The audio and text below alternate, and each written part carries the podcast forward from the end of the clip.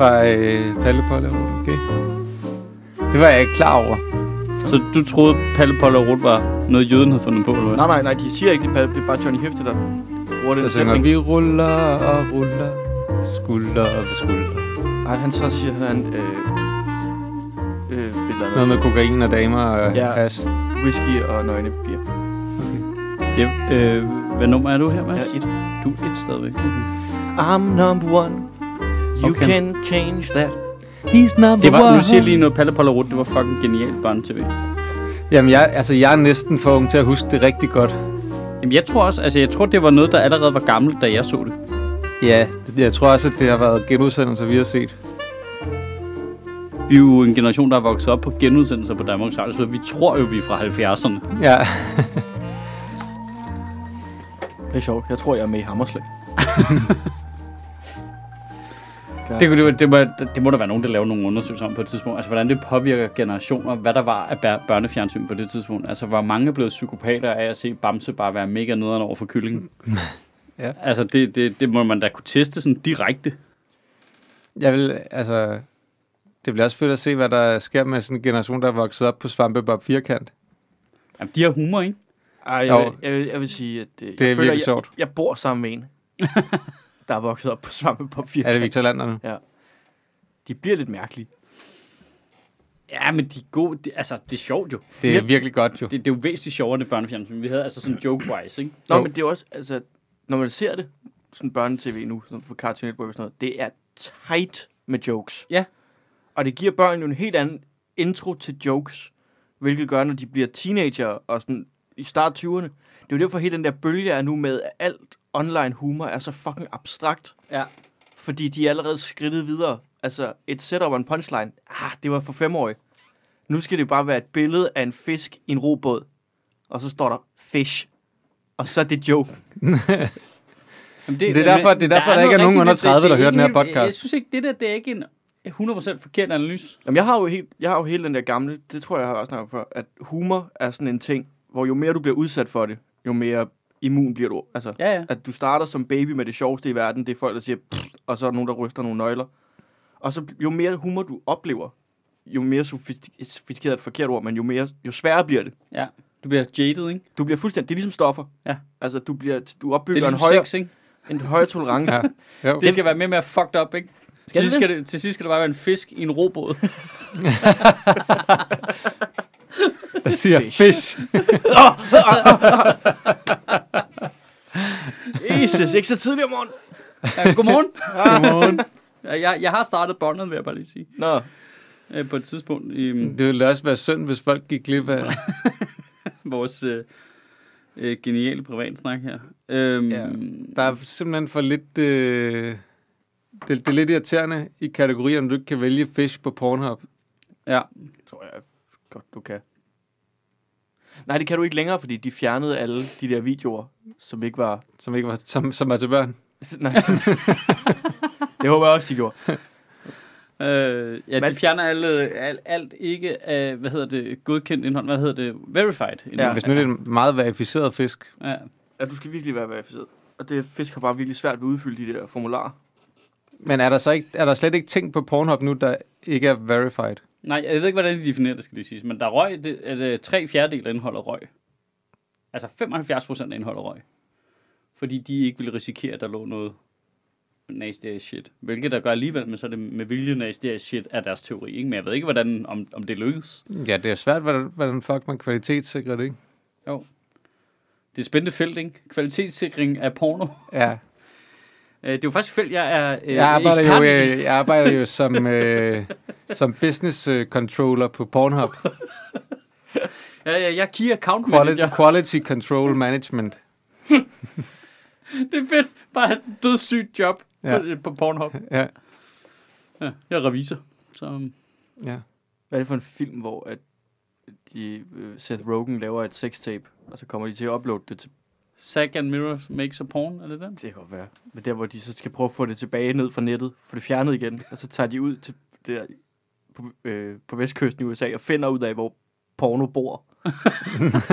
så er det sådan et stort varehus med alle serverne, hvor Jack Black er vagt. Selvfølgelig. Og så bare, nå jamen, jeg kan bare pive den ud af serveren. Hej, gider du det? Nej. Jeg har ikke set den endnu. Og det her... Åh, oh, Porno, hva'? Ja, ja, ja. ja. Kan sgu okay, noget. Okay, okay, Det kan sgu noget. Nå, vi fik rystet Satire. træet lidt med det der Amager fældet der sidst, var? Jamen, ikke nok. Træet står der stadigvæk. Ja, det er lidt irriterende, Ja. ikke? Altså, der er ikke nogen bygninger. Det er det, der var øh, kvalitetskontrollen for vores sidste afsnit. Det var, om der stod bygninger ude på Amagerfællet i dag. Ja. Det går for langsomt. Det føles lidt som om, at du havde... Øh, altså, du har angrebet din egen base med den. Men det, men det, det synes jeg faktisk, det er det rigtig, rigtig tit. Fordi der er altid nogen i kommentarfeltet, som skriver, normalt kan jeg rigtig godt lide det, du laver, Michael Sødt. Men i dag synes jeg virkelig ikke, at du rammer den. Og så, og så bruger folk altid dem, og det kan de jo på mange måder have ret i, men folk siger jo altid, når der er en, en tale eller en podcast, hvor de er uenige i de ting, vi siger, så siger de altid, at vi skulle have sat os mere ind i det. Jamen, det, det, jeg bliver så provokeret. De siger, de siger det aldrig, når, det, Det når er de anti, ikke går op i. anti-waxer debatstrategien, ikke? Du ved ikke, hvad du snakker om. Jeg har set lyset. Du skulle bare have de informationer, jeg havde. Så havde du været lige så klog som mig. Nu er du dum og uvidende, og derfor synes du noget andet. Hvis du bare var lige så klog. Hvis vi alle sammen var lige kloge, så ville I alle sammen synes det samme som mig, for jeg er den klogeste. Men det, Det er, men, det er debattaktikken, og det, selvom de ikke vil stå ved det, så er det præcis det, der er debattaktikken. Ja. Det er, folk, der synes noget andet end mig, de må være dummere end mig. Det er det, den men, men, jeg tror, siger. men jeg tror, at jeg tror da også reelt nok, at der er nogen af de her mennesker, som så øh, går ind og skriver det, som rent faktisk ved mere om det, end vi gør. Det vil være mærkeligt andet. Jamen, der er to forskellige ting i det også, fordi hvis du så diskuterer noget, lad os sige noget vildt teknisk med øh, vacciner for eksempel, mm. så er viden ret relevant. Hmm. Hvis du skal kunne sige om, men øh, Men er det ikke det Ja. med biodiversitet også? jo, biodiversitet kan sagtens være det samme, men problemet er, selve diskussionen omkring, øh, skal der være bo svaler her, eller skal der bo mennesker her, det er ikke en vidensdiskussion, det er en principiel øh, holdningsdiskussion. Hmm. Øhm, altså, det er det. Ja, det er jo et spørgsmål om, hvor du så vægter biodiversitet, eller hvad Ja, vi skal ja, kalde ja. det, ikke? Skal, skal vi øh, lade være med at, at udvikle byen, fordi at måske så er der nogle mus eller nogle salamander eller eller andet, der skal flytte. Ikke? Altså, det er, jo, det er jo en diskussion, og det er en principiel diskussion.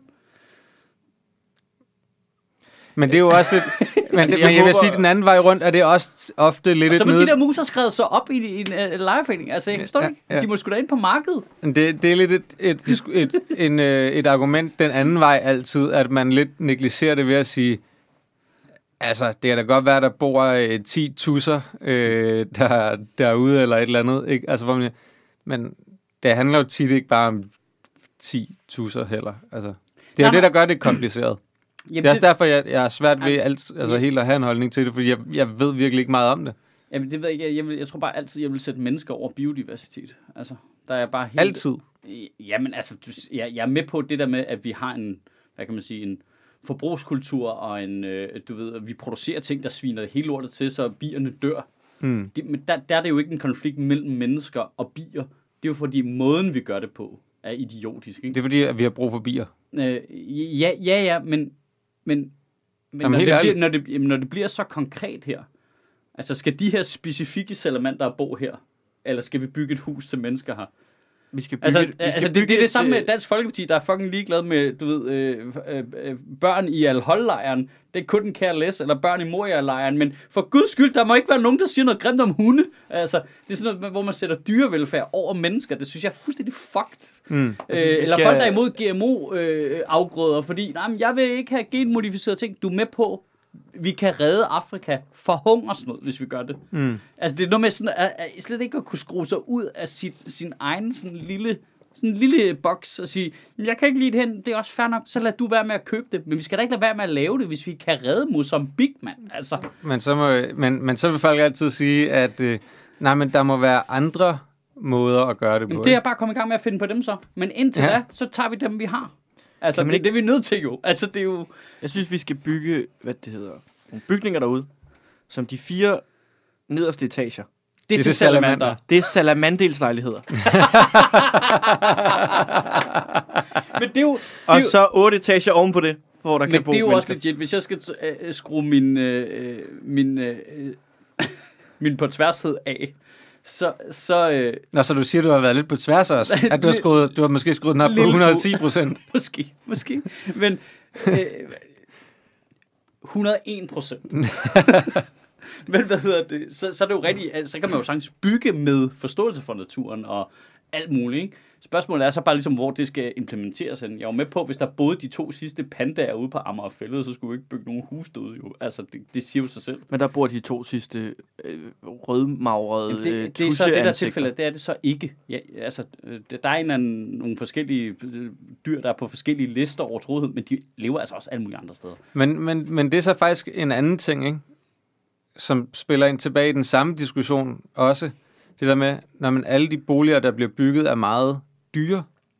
Altså, det er jo også et argument i hele den her debat. Det er det der med, at... Øh, Det, det er en særskilt så- diskussion. Ja, men hvis det, det hele handler jo om boligsituationen i København. Ja. Og der er ikke boliger nok til alle, og der er ikke billige boliger nok til alle, og så videre. Altså, øh, men, men det, et af problemerne er, er jo også for eksempel krav til boliger. Altså hvis du skal bygge en, en bygning, hvor de nederste fire etager er kun indrettet til salamander, så, er det, så salamanderne kommer ikke til at betale husleje. Nej, nej. Så derfor så dem, der betaler for de etager, det er menneskerne. ved så det bliver dyre, og det bliver dyre. Det kan selvfølgelig godt være, at de salamander har sat penge i bitcoin eller andet, det skal jeg ikke kunne sige. Men, men indtil jeg, jeg ved det, så siger jeg, bare, det tror at jeg de må da snakke med deres venner, øjlemenneskerne. Ja, ja, lige præcis. altså, Jeg tror, at de har salamander er væsentligt mere well-connected end øh, den gennemsnitlige studerende, der flytter til byen. Ja, det tror jeg også. Jeg tror, altså, de, har, de har langt bedre muligheder. At det, er jo ikke, det er jo ikke en Esbjerg salamander, det er Nej. jo, Køben, det er jo en Amager salamander. Ja? Ja, præcis. Den, den Det har er boet der i generationer. Det er, altså, ikke, det er ikke sådan en salamander, der, der, der kommer til at sige, hey, øh, jeg skal starte på uni til, sommer. Er der nogen, der ved, om der ligger en treværelses lejlighed i brugkvartererne til 4.000 kroner om måneden? Det er ikke sådan en salamander, Nej, du ved. det, det er jo ikke en godt. idiot salamander. Nej. Nej, men der, der var en, jeg kom til at tænke på, at der er en sjov ting i det, det er jo, at det der med, at for eksempel, der skal være billige boliger og sådan noget. Ja. Og det var der jo også en gang, dengang København var lort. Jo, altså, København var kæmpe lort. Så valgte man at, øh, at renovere en masse lejligheder. Det er jo ikke gratis.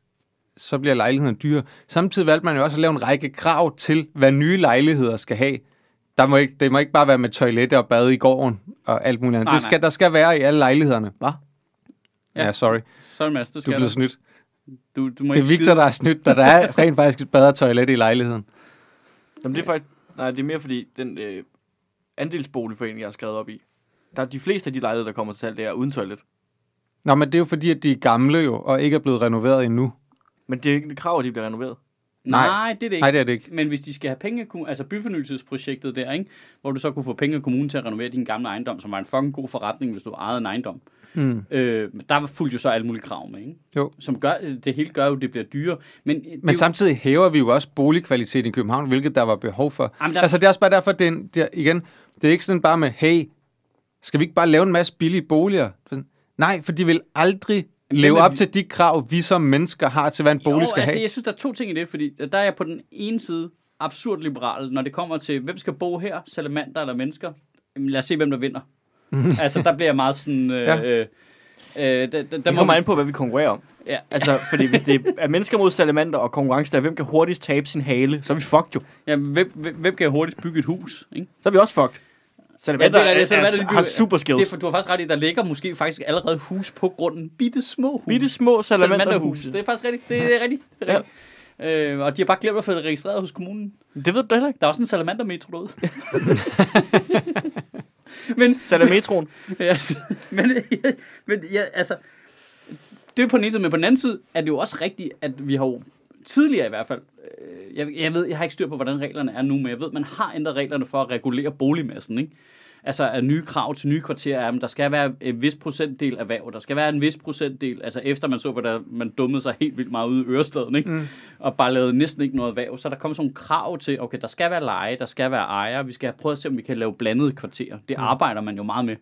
Hvad specifikt reglerne er, om de er ens over det hele, det har jeg ikke styr på, men der vil jeg da sige, at man skal da regulere boligmarkedet benhårdt. Mm. Så alle de der store fonde og svindlerfirmaer ikke kommer ind og køber hele lortet og bare laver det til uden bogpælspligt. Og det skal da reguleres ben fucking Klart. hårdt. Men det er der stadigvæk på den underliggende kapitalistiske mekanisme, der er. Hvis der er færre lejligheder, end vi skal bruge, så bliver de dyrere Ja, det, det gør det. hele tiden. Og vi er bagud. Vi er bagud med en 200.000 øh, legemål og øh, ejerlejligheder og sådan noget. Ikke? Jo, jo, jo. Og en anden ting, jeg så lægger mærke til i kommentarerne, der også spiller meget ind, det er, at mange af dem er jo lidt samme typer som Altså, nu er du jo boligejer, Astrup, i virkeligheden, ikke? Som, øh, Jo, øh, Jeg har en men, men de fleste af os i København er jo lejere stadigvæk. Jeg er selv mm. stadigvæk lejer. Mm. Altså, det er der mange der. Og man kan se, de taler Du ud kunne have været smart at købe den. Øh, ja, det ved jeg da ikke, jeg kunne. Så skulle der både kosteskab ud på øh, Dalgas Boulevard. Det gider jeg ikke. Ja, det er selvfølgelig... Du, du har selvfølgelig fået børn øh, relativt tidligt i dit liv og sådan noget. Så. Ja, lige præcis. Øhm, men de taler også ud for sådan en lege øh, tankegang. Hvorfor er, er det dyrt på den her måde? Men det, er jo, det, det rigtige problem er jo, at mange mennesker slet ikke kan komme ind på ejermarkedet i København. Ja. Det er jo det, der er det rigtige problem. Det er ikke, at, Det kan jeg heller ikke. Altså Nej, som nej. andels Og det, det er et kæmpe problem. Altså, unge mennesker har ikke en chance jo. Nej. Altså, for at komme ind på ejermarkedet i nærheden af København. Nu snakker vi ikke engang inde i København. Nu snakker vi bare i nærheden. Mm. Altså, du går... Men det var, det var faktisk mest for at angribe det der med folks forventning til billige boliger, og hvad de skal koste, og sige, men prøv at høre, der, kom, der, der er et minimum, fordi for det første, ved, lønninger og byggematerialer stiger også i pris og sådan noget, men vi har også indført en række krav til, hvad en bolig skal indeholde, som gør, at den kommer til at blive Ej, dyrere men- end det, du, du tror. ret i, der er nogen, der har sådan helt Der forskruet. tænker, jeg, hvorfor, Ja. hvorfor ligger der ikke en uh, lejlighed, en treværelses lejlighed til 5.000 kroner? Men det gør der ikke, fordi det, Ej, kan det skal, der ikke. Det skal der ikke, fordi det koster den jo ikke engang på Falster. Det, altså, altså, det skal den jo heller ikke koste jo. Det skal jo kunne løbe rundt, for helvede. Præcis. Og det, altså, det, der er en, der er en Men lidt dermed underlig ikke- forventning til, hvad, hvad boligpriser også Ja. skal være. Ikke? Altså også fordi, alene det at købe en byggegrund i København, du kan bygge lejligheder på, er du klar over, hvad det koster? Ja, det, er det er absurd jo. Altså, det, al, alene det gør jo, at de er vanvittigt meget dyrere, end hvis du skulle bygge samme lejligheder på Falster, ikke? Jeg var da ret sikker på, at man kunne få rådhuspladsen for 8.000 kroner. Ja, det er det gamle Matador. Ja, satans. jeg, jeg tror nogle gange, folk Det er Esbjerg har, har et prisbillede, der er efter det, ikke? Jamen, det er klart. Det er det, man er vokset op med. Jeg har, også, jeg har også jævnaldrende venner, som har flyttet til København samtidig med mig, som så har boet det samme sted i meget lang tid. Og så på et tidspunkt skal de flytte, og så er de sådan, hvad? Koster en fireværelses 10.000 kroner om måneden? Sådan, "Hvor- hvor længe har du... Altså, hvad, det er billigt. det er absurd billigt. Altså, Ja. hvad, hvad, Er du, er du Lars Øster- Lykke, eller siden du har fået tilbudt det, eller hvad sker der? Østerbro, det er sgu vildt billigt, mand. Du, du er fucking øh, vil, altså du er færdiguddannet jurist. Hvad, hvad er problemet? Ja. Altså, hvad er problemet? Hvad bruger du dine penge på i øvrigt, siden Ja. du ikke kan betale det? Altså, jamen det kan de godt, det, det er bare noget med deres forventning om, Ja. hvad boligmarkedet, hvor det er, det fryser fast, når du bosætter dig et sted, og så, ja. så justerer du først billedet, når du kommer ud på det igen, Ja. hvilket jo kan være 15 år senere, og man bare sådan, hvad? Ja. Er der Men fedt nu på har jeg jo boet- Vesterbro, eller hvad? Ja, nu, er, hva, hva? Nu, har jeg, bo- nu har jeg boet her til 2.500 de sidste 15 år. Der, er nogle, der må være nogle pensionister nogle gange, der skal skifte bolig, som er sådan, hvad? Nej, bare nej. det- Jamen, det, der, sidder jo der sidder nogle pensionister i kæmpe store lejligheder i København mm. Til ingen penge, ja. som, hvor det bliver dyrere for dem at flytte i et værelse på et plejehjem. Ikke? Jo. Jo, jo, jo. Og jo, der er nogle vilde nogen. Altså, jeg husker, da jeg boede inde ved Gråbrød og Torv, der var altså, der snakker med en ældre mand derinde. Han boede altså bare, Har du boet ved Gråbrød og Tom? og på Fjolstræde også. What? Hvordan har du haft råd til det? Det var fordi, at, at det var dengang i 80'erne, hvor at, børn. boligerne de ikke kostede så meget.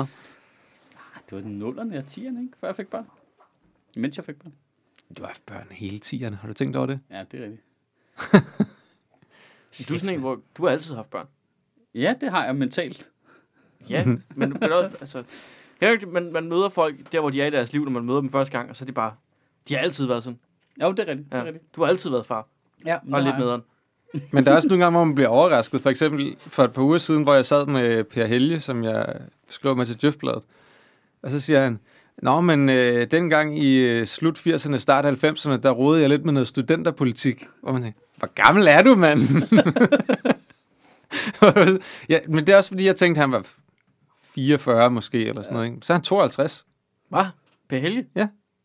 Det er overraskende, han, øh, Han han ung holder sig godt. Som ja, han er, en, øh, han er en nydelig mand. Hold kæft, hvor er det også en borgerdyr-agtig sætning. Vi skriver til Djøfbladet.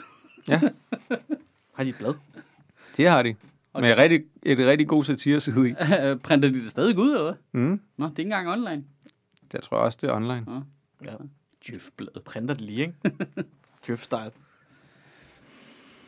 Ja, Alright. Ja, ja. dem, det, er- alle, alle har ret til underholdning, ikke? Jo. Og et fedt køkken. Ja, og til sydladende en øh, treværelses øh, 400 meter fra rådspladsen til 4.000 kroner. Må jeg, må jeg, Altså, rose, det- det... må jeg rose Dansk Folkeparti?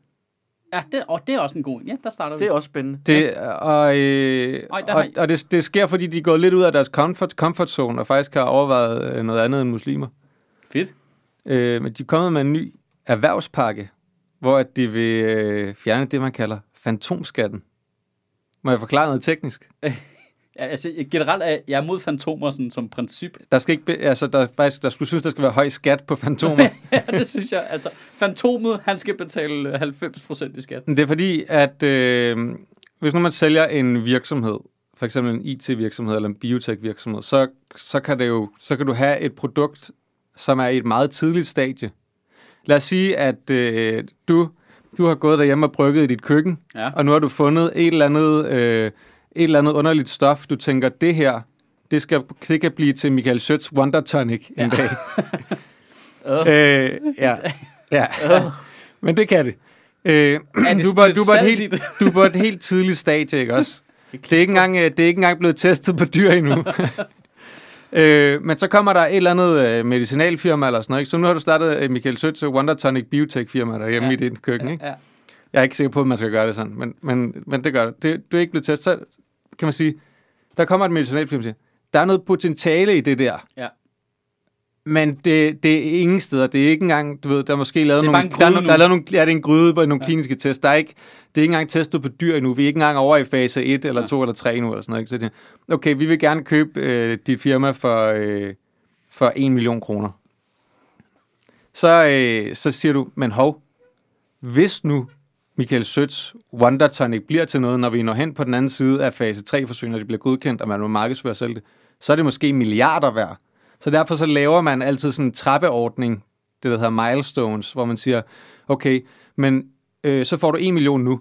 Når du, der, du har godkendt det fase 1 forsøg, så får du måske 3 millioner oveni. Ja. Øh, når du har godkendt fase 2, så får du måske 4 millioner oveni, det vil sige 8 millioner oveni. Så øh, øh, når, hvis du får godkendt fase 3, så får du måske, lad os sige, 32 millioner oveni. Det vil sige 40 millioner i alt Ja. for øh, Michael Søds Wonder Tonic Incorporated. Ja, synes, det lyder, det lyder Så lidt kommer lavt, Mads, men altså... ja, Mads, Mads, Mads Holms øh, Evil Greed Corp øh, firma kommer og vil købe det, ikke?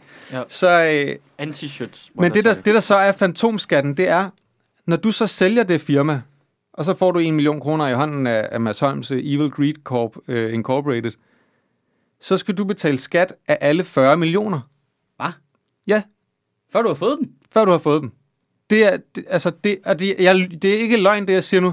Det er sådan, du bliver beskattet i dag. Det vil sige, du kan reelt set gå bankerot ved at sælge dit firma, fordi du så skal betale skat af 40 millioner kroner, som du ikke har. Og det vil Dansk Folkeparti lave om. Og det vil jeg gerne tage hatten af for at sige, well played. Nu siger jeg bare, det lyder som et øh, atypisk specifikt lovforslag for Dansk Folkeparti. Ja, jeg tænker også, der er nogen, der har noget i klemme. hvad har Martin Henriksen brygget hjemme i sin kælder? Altså, øh, Martin Henriksens øh, Wonder Tonic, nu med svær. Jeg tror faktisk, at er deres, jeg tror faktisk, de har en erhvervsordfører, som altså, Ved han, noget. han, skal, han skal lave noget andet, der fokuserer på muslimer til synligheden, så derfor ja. går han ud og snakker med folk og lytter til dem, ikke? Ja. Og det er jo sådan noget et issue, der har været lang tid, fordi folk med IT-firmaer og alt muligt andet, så flytter de jo deres virksomheder til et andet sted, og dem selv i øvrigt. Jamen, det er jo, Så altså, de det er jo slipper det, for at blive beskattet på den måde. foregår for helt almindelige selvstændige, er jo, at du skal jo gætte på, hvad du tjener på et år, og så skal du betale skat af det, mm. altså B-retter fremadrettet. Det vil sige, at Ja. du betaler skat af penge, du ikke har tjent endnu, ikke? Mm. Altså, det kunne jeg da lige melde, at hele 2020 var det rimelig hårdt. Ja. Altså, der betalte jeg bare skat af, hvad jeg havde tjent året før, og tjente ikke nogen penge. Nej, men så får du dem jo tilbage igen. Og jeg, altså med det der øh, fantomskat, jeg går ud fra, hvis det firma så lukker ned og ikke bliver til noget, så får du din rest tilbage, eller sådan noget. Hvis nu du kun har tjent, kun har tjent 8 millioner kroner, så får du så resten tilbage. Men det er jo åndssvagt at betale skat, før du har fået penge ind på din konto. Jamen, det er fuldstændig Det er mærkeligt. idiotisk. Jeg føler ikke, jeg laver andet. Nej, men det, det der med at betale skat forud er en syret, syret følelse, som jeg tror, helt almindelige mennesker, der har en almindelig arbejde, ikke kan sætte sig ind i. Og som, som giver en en underlig følelse i forhold til skat og stat. Altså i det hele taget, fordi princippet er så mærkeligt, Mm. at du betaler skat af penge, du... En ting er, hvis du har en rimelig, altså et firma, der på en stabil måde har en indtægt, så betaler du bare skat af penge, du ikke har tjent endnu, men i nogle tilfælde, øh, specielt i sådan nogle øh, som vores jo, så betaler du ikke bare skat af penge, du ikke har tjent endnu, du betaler skat af penge, du ikke ved, om du kommer til at tjene. Ja. Hæft, det er mærkeligt. Ja. Det er sygt mærkeligt, og det vil sige, Ja, det, det er sådan en fordi form... for sådan en som mig, jeg har sådan nogle rimelig faste gigs ja. hver måned, så jeg har jo bare en eller anden B-skatterate, jeg betaler hver måned til skat på 8-9.000 eller sådan noget, ikke? Øhm, og det giver god mening for mig, fordi så skal jeg ikke tænke mere over det, og det kommer til at passe nogenlunde præcist, ikke? og jeg kan gå ind og justere det lidt til efterhånden. Men hvis nu man er dig, for eksempel, hvor at en rigtig, altså, nej, måske ikke dig, alle mulige andre komikere, som har mange jobs i julefrokostsæsonen, ja, ja. Øh, hvor en stor del af deres indtægt ligger der, men de aner jo ikke i januar, hvad de kommer til at tjene i december. Nej. Måske får de en lorte julefrokostsæson. Måske får de en kæmpe god Og det, der julefrokostsæson. så er problemet er, hvis du så lægger... Øh, indtje- jeg, jeg ved ikke, hvordan... Og du skal jo ikke betale skat af julefrokostpengene i februar. Ja, ja, men, men jeg forstår heller ikke, hvordan algoritmen helt fungerer, fordi der er jo nogen, det har jeg kun nogle år, det vil være mange år siden, så kunne jeg jo bare gå ind og sige, jeg sætter den bare til 0. Du ved, jeg sætter den bare til 0, ja. Ja. og så efterregner jeg det, på trods, selvom det bliver lidt dyrere i princippet. Ikke? Er jeg Fordi der så, fået at vide, jeg skal gøre. Jamen, det kan du også, men der er et problem, når du når op i en vis volumen af økonomi over nogle årrækker, så accepterer den ikke, at du sætter den til 0. Jeg har ikke kunne sætte min til 0 i corona 2020. Jeg kunne ikke sætte den ned til 0. Det var den bare. Det er uh, no dice. Det må du Der, ikke. der, der, der kigger den alligevel på mig og tænker, ja, det giver meget god mening. Jamen, det er jo bare noget med, fordi jeg har tjent gode penge i en vis årrække, så så det, det er urealistisk, at du tjener 0 kroner. Jeg fik bare at vide, at jeg skulle sætte den til... Algoritmen kender ikke corona. Nej, men det, er jo- det, det er jo det, der er problemet ved det, er en fucking computer. Computer says no. Ja, computer says no. Så det kunne jeg ikke. Den gik ind og rettede det op igen. Og jeg Og så betalte jeg skat hele 2020. Er det ikke fedt? Ej, hvor fedt. Nå, det er derfor, jeg blev fyret for taleskrivning. ja, det er ikke noget at gøre med, at du er elendig. Det er skat, der har Det fyret dig. noget, det har også noget at gøre med, at jeg er elendig. Det, er- det er Morten Bødskov, der har fyret dig. Ja. Jamen, jeg fik bare du sætter den til 0, og så, når du, altså hver gang jeg tjener et eller andet, der kommer et beløb ind, så ligger jeg øh, cirka 40 procent af det, eller halvdelen, hvis jeg Ja. er godt kørende. Men Ja. jeg, er meget, jeg sidder og regner efter, hvis jeg ikke har så mange penge, over på en anden konto. Ja. Og Det så, behøver ikke være 40 procent. Og så den Så her... meget betaler vi slet ikke i skat i Danmark, og slet ikke, når man tjener så lidt, som vi gør. Nej, nej, men altså, jeg, jeg kan også godt lide at få penge tilbage i skat. Jeg er bare nødt til selv Ja. at sørge. Altså, jeg Ja. bliver Ja. jo glad, da, når jeg logger ind. Øh, nu logger jeg ind i går, og skulle lige se, Nå, hvad er det så? Hvor meget er det? Og så kan man jo se, hvor det hele kommer fra. Og så kigger jeg på tallet og tænker, det var da godt nok lavt. Det, det, det har jeg lidt svært ved at være glad for. Så går jeg ind og øh, dobbelttjekker, hvad, hvad har jeg registreret? Hvad har de registreret? Og så siger jeg, det passer sgu. Lige indtil godt for. Jeg har ikke registreret den løn, jeg har fået dig. så går jeg ind og regner lidt på det, og så kigger jeg på nye, nye tal, og så er jeg lidt, jamen pis os. Altså, Ja, ja det, og det, det er jo det, der er problemet er, når ens økonomi er så uigennemskuelig. Det, det er jo, at du kan så nemt lave en fejl. ja, ja. Altså, øh, jeg, Jeg jeg, har, kom- jeg synes, jeg- det er endnu værre. Okay, en ting er, at man har nogle faste gigs, øh, og så har du dine stand-up gigs, som er en beløbsstørrelse, så de altid bliver opgivet, og det er rimelig nemt at holde styr på. Men så er der sådan nogle mærkelige jobs, noget med, Nå, men uh, Wolf Morgenthaler har lige spurgt, om du vil arbejde 14 dage på det her projekt, eller hey, der var også lige, vil du være med til at udvikle den her dummy hos Drive, eller hvad, what the fuck, sådan nogle virkelig odd, skøre ting, så laver du, arbejder du på noget to dage i januar, og sender en faktura og sådan noget det kan jeg sgu da ikke huske næste sommer, mand. altså, det kan, det, jeg kan vidderligt ikke huske. Så, det, så er det, jo- det er jo der, hvor man så bliver nødt til at ansætte en Mm. revisor til at holde styr på det. Så betaler du en mand for at sørge for, at du betaler det rigtige skat. Altså, det er fucked up. Jeg synes faktisk, det er, og det er nok måske bare mig, der er lidt heldig, men alle de jobs, jeg lavede i, altså nu er 2020 sådan rimelig okay for mig med det der, sådan Ja. hjælp med en dummy, skrive lidt på et telegram, sådan nogle ting. Ja. Det var meget fint. Og der skriver jeg jo ned, sådan, hvem har jeg arbejdet for, for hvor meget. Og så det der med bare gå ind, og så kan jeg se nu, jeg ved ikke, om det var anderledes gamle dage, men alle dem, jeg har arbejdet for, Mm. har selv registreret, at de har udbetalt mig. Og det har skat modtaget, og det har de øh, medregnet i deres. Ja, det, Ej, er, det, det er jo det skønne øh, lønmodtagerverden at leve i. så bliver det lige pludselig en lønmodtager. Og det, og, det, og, det, og det er jo det, der er det og det er jo det, der er det gode i øvrigt, at langt de fleste i det her land er jo lønmodtagere, og på den måde er skattesystemet indrettet ret godt. Ja, ja, ja. Ja. At vi rammer relativt præcist med, hvad folk har fået, fordi at arbejdsgiverne indberetter og Men, indbetaler. Altså, vores skat er jo noget, som smart. vi kommer fra andre lande og kigger på, fordi det fungerer så smertefrit for den almindelige øh, borger, der har en almindelig lønmodtagerforhold. Ikke? Ja. Men det, jeg ikke forstår, er, hvorfor vi ikke... Altså, nu siger jeg det bare lige til hvilket som helst parti, der udvikler det her, stemmer jeg på nærmest. Jeg er ligeglad, om det er så Nye Borgerlige. Jeg kan simpelthen ikke fatte, at det ikke kan lade sig gøre at lave et simpelt system for skat til selvstændige, der hedder, jeg kigger i slutningen af måneden på min øh, virksomhedskonto, hvor mange penge er der kommet ind. Det tal, det taster jeg ind over på skat. Hver måned, i slutningen af hver måned, er jeg forpligtet til som borger at skrive, jeg har, jeg har fået 46.000 ind i den her måned. Og jeg har brugt øh, 5.000 på det her. Nå, det, det, behøver, det synes jeg ikke engang, man behøver at gøre det. Godt gøre det så simpelt, at det bare, hvad har du fået ind?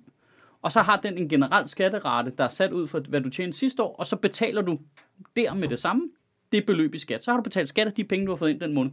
Og så kommer der så en efterregulering til sidst selvfølgelig. Ikke? Så skal du aflevere dit årsregnskab, og hvad har du, du kan trække fra, og jada, jada, jada. Og så vil du typisk måske få nogle penge tilbage. Hmm. Men du vil betale omkring, lad, jamen nu overdriver vi bare, vi, jeg sætter jo også halvdelen af alt, hvad jeg tjener over på en skattekonto. Ikke? Ja. Men, Det er bare så- for... det- men jeg kan ikke forstå, at skat ikke kan gøre det. Så har de jo pengene med det samme. Mm. Vi som er selvstændige ved, okay, jeg har, har jeg har betalt cirka det rigtige skat. Ja. Der er ikke noget med at gætte. Der er ikke noget med at betale forud. Så hvis der er en måned, hvor jeg tjener få penge, så betaler jeg lidt skat. Hvis der er så en måned efter, hvor jeg tjener her mange penge, så betaler jeg mere skat. Hmm. Jeg kan ikke forstå, at det skulle være så avanceret at lave. Det tror jeg heller ikke, det er. De, gider, de er bare ikke ligesom, det er bare ikke på radaren for dem. Fordi selvstændig er ikke en øh, målgruppe, du gider at, ramme som vælger. Nej, fordi det eneste, du kan gøre, det er, at du kan gå ind hver måned og justere dit, din forskudsopgørelse op. Men, ja. den, det, for, men det deler den jo ud over hele året. Ja, ja, ja. Og, og hvis du justerer den ned, så flagger du i deres system, hvis du justerer den for meget ned. Ja. Det vil den ikke være med til. Altså, Det er ligesom, øh, det er ligesom med, hvis- med, med din øh, Tinder. Hvis du sætter alders for meget ned, så flagger den der også. Ja, du, må kun, du, må, du må kun sætte radiusen op. Den har sådan en, øh, den har en syvregel indbygget i Tinder, eller hvad? Ja, og den, øh, ja præcis, det der med, hvis du lige pludselig siger, at der er ikke flere singler, du kan ikke sætte radiusen ned igen. Den skal op, Ja. op på t- 40.000 km. Prøv at tænke på, hvordan Tinder jo faktisk, hvis de ville, og lignende apps, kunne øh, hjælpe du udkants Danmark og sådan noget, ved ligesom at fake location. Jeg synes, Altså, så når du siger, at jeg bor her, jeg søger damer her, så snyder den dig, så siger den, ja ja, du søger på Vesterbro, men i virkeligheden, så har den sat det til Esbjerg. Ikke? Og så kunne du parre folk på tværs af landet og sådan noget, ikke? så folk, så vil der blive mere blandet. Er Du tænker mere fresh tankegang? blood. ja, lige præcis. Er du begyndt at blive bange for indavl generelt, eller? Nå, men det vil da bare være godt, fordi så vil der være en masse øh, dudes og dudettes fra København, der finder en kæreste ude i landet, og så vil de halvdelen af dem cirka flytte til Esbjerg, den anden halvdel vil flytte. Altså, det vil da være godt. Jeg synes, den burde have det med sådan ufaglærte jobs. Altså, du, hvor du kunne Nå, Nå, ja, tænde altså, telefon. Jobtinder. Ja, jobcenter. Og så kunne du bare se inden for øh, 8 km, hvad er der her, som ikke kræver en uddannelse? Så kan det være sådan noget, om du kan øh, få et job med at læse øh, planker på en øh, varevogn. Om for Det er sgu da Det er en, det er da en legit god idé. Ja, det er det. Det, hvorfor kan man ikke Lav gøre den det? app. So, somebody make an app. Please. Vi er også meget millennial-agtige nu. Vi bare sidder og siger, "Hvor- hvorfor er der ikke en app til det her? Og Ja. hvor er min vin? Total øh, Må jeg, må boomer. jeg, må jeg, må jeg så nu roste du øh, Dansk Folkeparti øh, for Mm. noget meget savligt og øh, politisk godt håndværk. Må jeg, Og vi kom igennem øh, en forklaring af relativt kompliceret skattelovgivning. Med, med relativt få øh, fantomet ordspil. Ja, det er min fejl. Det, til gengæld... Øh, Den tager jeg på min kappe. Idiot. Må jeg, men må jeg så have lov til at, at sige noget grimt om Dansk Folkeparti? Øh, Ja, det må man altid. Det, som på ingen måde vi er skriver for Djøfbladet. Altså, Som på- er, vi laver? Nå, men som på ingen måde er savligt, eller øh, har nogen som helst øh, grund i virkeligheden. Det er bare mig, der, der bliver irriteret. Øh, jeg så ham der, øh, hvad hedder, øh, Voldemort Junior, øh, ned fra EU. Øh, Hvad hedder han? Ham der, ham, ham der vidderligt ligner en, Og øh, Christian Thulesen Dahl junior. ja, ja. hvad er det, han hedder? Peter Kofod. Tak skal du have. Ja. Peter Kofod, han sidder nede i EU-parlamentet, Mm. og skulle holde en eller anden tale du peger, jeg skal, det skal sige, at Madsen sidder og peger nu i en retning, der jeg er ikke sikker på, at det er imod, EU-parlamentet er i den faldstamme, jeg sidder og peger, peger på. mod Helsingør Det- lige nu. Men, Den, den er inde i faldstamme. Øh, men så skulle han holde tale. Så sidder du på EU, EU, det Er må du- være, EU, det må være den vej. Ikke? Det må være den vej. Ja, den, Den, den, vej. den der vej. Hvad Sverige er det jo. Folk kan ikke se, hvor I peger ind. det er en podcast på lyd, det her. Ej, det, det, det triggerede lige. Det var lige for Ja. ja. hvilken retning vi sad i. Ja, Jeg kan fortælle jer, at ingen af dem pegede det rigtige sted hen. Vi, jeg skal jo vende mig mod Bruxelles fem gange om dagen. det, det er jeg sikker på, at der er mange af dem, der ikke, ikke kan lide en taler, der tror, du gør. Men sådan er reglerne jo, hvis man er pro-EU, så skal man jo Ja, lige bede så hiver man sit blågule tæppe frem. Ja. så, med stjerner på. Ah. Kør, Mads. Nå, Kør, Mads. Ja. han holdt tale til EU om noget okay. med vacciner, ja. ja. Peter Kofod. Ja. Og jeg bliver, jeg bliver faktisk forarvet over, at han gør det på dansk. Gør han han det på står dansk? nede i Bruxelles, tager sit mundbind af, og så på dansk med en tolk. Altså, så der holder han tale til EU-parlamentet. Jeg synes, det, det er en dårlig reklame for Danmark. Vi har så godt et uddannelsessystem. Vi er så pro-velfærd. Vi sender børn i skole, og så sender vi den ene tos til Bruxelles, der ikke kan engelsk. Jamen, det er jo fordi, han gerne vil gøre det på dansk, så de kan tage klippet og bruge det som reklame på Facebook. På... Jamen, det- ja, ja, og det gjorde de også. Det var Ja. også det, de gjorde. Men jeg er stadigvæk... Altså... Jeg, jeg, jeg, jeg kan det der slet med, at ikke... de ikke taler til hinanden. Inden, man ser det jo sammen i Folketinget, ikke? Jeg, jeg, jeg bliver sur, kan jeg mærke, over, at man ikke respekterer udenlandske institutioner. Det er ligesom, når vi sender Men det Fyre gør de Flamme alle- det gør de fra alle lande, og de insisterer på at synge på dansk. Hvorfor gør I det? Ja. Hvorfor? Nu, nu skal I ned og ødelægge et helt show, fordi ingen forstår jeres dumme kartoffelsprog. Jeg bliver, jeg, jeg bliver rasende. Ja. Det, det er internet, hvis du vil deltage internationalt, så spiller du internationalt. Men hvorfor, er det, men hvorfor stiller man så ikke op i dansk Melodi Grand Prix med engelske sange, så det kan man jo lige så godt. Men Det, nej, nej, du gør ligesom Brøden Olsen. Du stiller op med en dansk sang, og så oversætter du den. Det er det mest åndssvage. Det er det overhovedet ikke. Nej, det bliver der nødt til, hvis vi skal Jeg tage kan det der... godt Hvis, lide vi- ideen om, at skal, folk synger på deres eget sprog til Melodi Grand Prix. Ja, det det kan kan jeg jeg lige godt. uden at gå op i Melodi Grand Prix overhovedet, men det Der er da sjovt, at man bare kan høre alt muligt, man ikke fatter en ved. der var der en portugisisk sang, der vandt for nogle år siden. Ja, ja. Ham det, der crooneren. Ja, ja, og det var portugisisk, og det var det, de er inspireret af og sådan nogle ting. Men så er der jo den der hviderussiske sang, ikke? Som nu bliver bandlyst og synger på øh, hviderussisk, ikke? Men så er det fordi, den nu bare er sådan lidt, øh, hvad det hedder, Lutsenko-kritisk. Hvis de nu var kommet afsted, ingen af os ville jo fatte, den var Lutsenko-kritisk. Ingen af os ville, altså hvis han nu sagde, jeg Jeg har den havde været budskab. nemmere at snige forbi censuren jo, hvis den havde været på et andet sprog end deres eget. Jo. Ja, præcis! Tænk jer om, ikke? Altså jeg er da ret sikker på, at Fyr Flamme hvis sang, vi- det handler om en, om, øh, altså, om en date rape. De, de, Men hvis vi skal tage det der, øh, tage, tage Melodi Grand Prix alvorligt, og det skal vi på ingen måde. hvis vi skal tage Melodi Grand Prix alvorligt, så, så er vi igen nødt til at kvalitetskontrollere ordentligt. Vi ved jo ikke, hvad det er for en engelsk sang, de vil lave jo. Altså, så, okay, Ej, så, så Brødrene. Olsen ramte den måske meget godt, da de oversatte den til engelsk. Men det, der, det ville da være bedre, hvis vi alle sammen kunne se, okay, hvad er det for en engelsk sang, de har tænkt sig at sende ned? Så vælger vi den. Det virker som den bedste engelske sang at give resten af Europa. Men er, er det, nu, nu siger jeg lige noget. Er, er, er, tænker vi ikke meget konkurrenceelementet her lige pludselig? Det er noget med, okay, hvordan kan vi vinde? Hvad, skulle vi ikke, skulle Hvad skulle folk, vi ellers, hvad skulle folk gøre? ikke bare lave en sang, de synes Handler det bare om at være med? Ja, nej, de skulle lave en sang, de selv synes var fed, og så skulle vi vurdere, hvad for en sang vi synes, der var den bedste, og så handlede det ikke så meget om, om vi kunne vinde. Altså, det er jo ikke, øh, vi er jo ikke øh, Grækenland til i fodbold, der bare spiller defensivt. Vi skal jo spille vores eget spil, ikke? Nej, det gør vi ikke. Vi skal jo ikke spille efter, okay, vi ved, at der er flest østeuropæere, så vi laver sådan en halv østeuropæisk sang. Hvis vi lavede en, altså sådan en stor... Øh, Det synes jeg godt, man kunne spekulere i. Jamen, så, så, hvis det bare, så bliver det lidt mere... Øh, Hey, men hvis det, vi lavede sådan et okay. cover af, af den der Go West-sang med Go East i stedet for, så tror jeg, de vil elske os. det er det, Man skal mener, lave, det er jo hey, ikke så charmerende at gøre. det. Burhan G, ikke? Han havde sådan en sang for nogle år siden, hvor sådan noget, hey, jeg mødte en pige på Vesterbro eller andet, og så sang han også, når man mødte en pige i Odense og en pige i Aalborg, og sådan noget. Du ved, så laver han lige shoutouts til forskellige steder. Vi gør det samme, bare med, hey, så var jeg lige i Tallinn, du ved, og så mødte jeg lige en dame der, og så, du ved. Hey, sådan noget. Budapest. Ja, så var jeg i mødte jeg Budapest lige- og sådan noget. Hey, hvad så er Athen? Altså, du ved, pandering the locals. Det er det. Hvorfor er der ikke nogen, der har gjort det? Nå, men øh, kunne man friste med en lille reklamepause? Det kunne man da nok. Øhm, jeg tager jo på turné med mit nye show, Demokrati, til efteråret. Og øhm, til min egen store overraskelse, så bliver der sgu solgt billetter, du. Altså, øh, jeg, troede, jeg troede godt nok, at jeg lige skulle kæmpe mig igennem de her øh, pandemimåneder, og så ville det i virkeligheden først være realistisk at sælge nogle billetter ved, til sommer eller sådan noget. Men det ser sgu ud som om, der bliver ved med at komme nye shows til. Hele tiden vi har lige tilføjet nyt show i Aarhus, nyt show i København. Øh, så for et stykke tid siden kom der også en nyt show op i Aalborg. Der kommer snart nye byer på. Jeg ved godt, jeg har sagt det nogle gange. Det kommer snart, og der kommer også flere datoer i København. Jeg glæder mig i hvert fald helt dumt til at komme ud i virkeligheden igen og øh, møde folk i virkeligheden og grine sammen. Jeg, jeg, jeg, jeg savner det simpelthen øh, så meget. Og, Ah, men der er så meget, vi skal grine af. Jeg kan, slet ikke, jeg kan slet ikke rumme det nærmest, at der går så lang tid, før det sker. Og hvis du er en af dem, der har lyst til at komme og se showet og grine sammen med mig, så finder du din billet inde på michaelschødt.dk. Og så er der som altid to måder, du kan støtte Sjøtministeriet økonomisk på. Det er jo sådan, at øh, øh, grunden til, at det, det kan lade sig gøre at lave både podcast og taler, når vi laver interviews over øh, så mange år, som det har lykkedes os at holde fast i det her, så er det jo fordi, I er nogen, der donerer på den ene eller på den anden måde, så folk de kan få noget løn. Det her det vil aldrig kunne lade sig gøre, hvis ikke jeg kunne betale Simon og Mads og Sofie, når hun er her, øh, løn, eller min producer Andreas, eller øh, de fotografer, vi bruger, når vi er på en Det kunne simpelthen ikke lade sig gøre, hvis ikke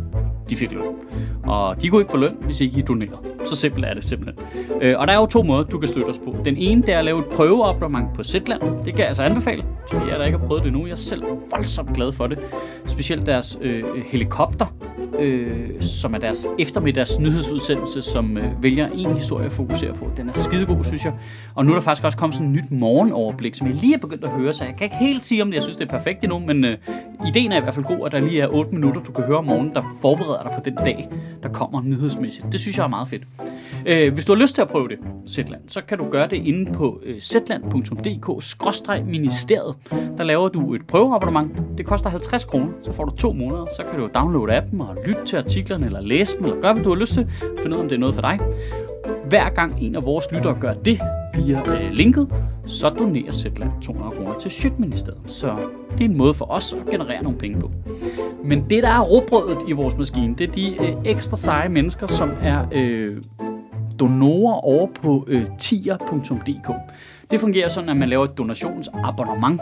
Det vil sige, at du vælger et beløb, du har lyst til at donere til os, og så øh, trækker vi det, hver gang vi udgiver en tale om fredagen øh, fra Sjøtministeriet. I parentes skal det siges, vi trækker ikke beløbet om fredagen hver fredag, fordi så vil der ryge et kort gebyr på fire gange om måneden. Vi trækker det samlede beløb i slutningen af hver måned. Men du kan i hvert fald omregne det på den måde. Ikke? Så vil vi sige, om jeg vil gerne give en 10 per tale, eller en 5'er, eller 8 millioner, eller hvad det nu er. Så styrer du selv det. Og øh, det er ligesom robrødet i vores maskine her, der gør, at vi kan lave alle tingene, der er folk donerer det over. Der er også den fordel ved at være øh, tier øh, øh, donorer, det er, at man så er på den lille eksklusive mailingliste, som øh, i mit system hedder øh, Sjøtministeriet. Det vil sige, at man får besked først, når vi laver arrangementer på Nørrebro Teater. For eksempel, da vi lavede interviews med Søren Brostrøm og Thomas Senderovic fra Lægemiddelstyrelsen, så øh, lagde nogen måske mærke til, at der var stort set udsolgt, da jeg sagde det offentligt. Det var fordi alle dem fra mailinglisten havde købt billetterne først. Så det er en fordel. Øh, hvis du har lyst til at lave et donationsabonnement, så gør du det på sjøtministeriet.tier.dk. Så kan jeg da vist heller ikke ævle mere, var.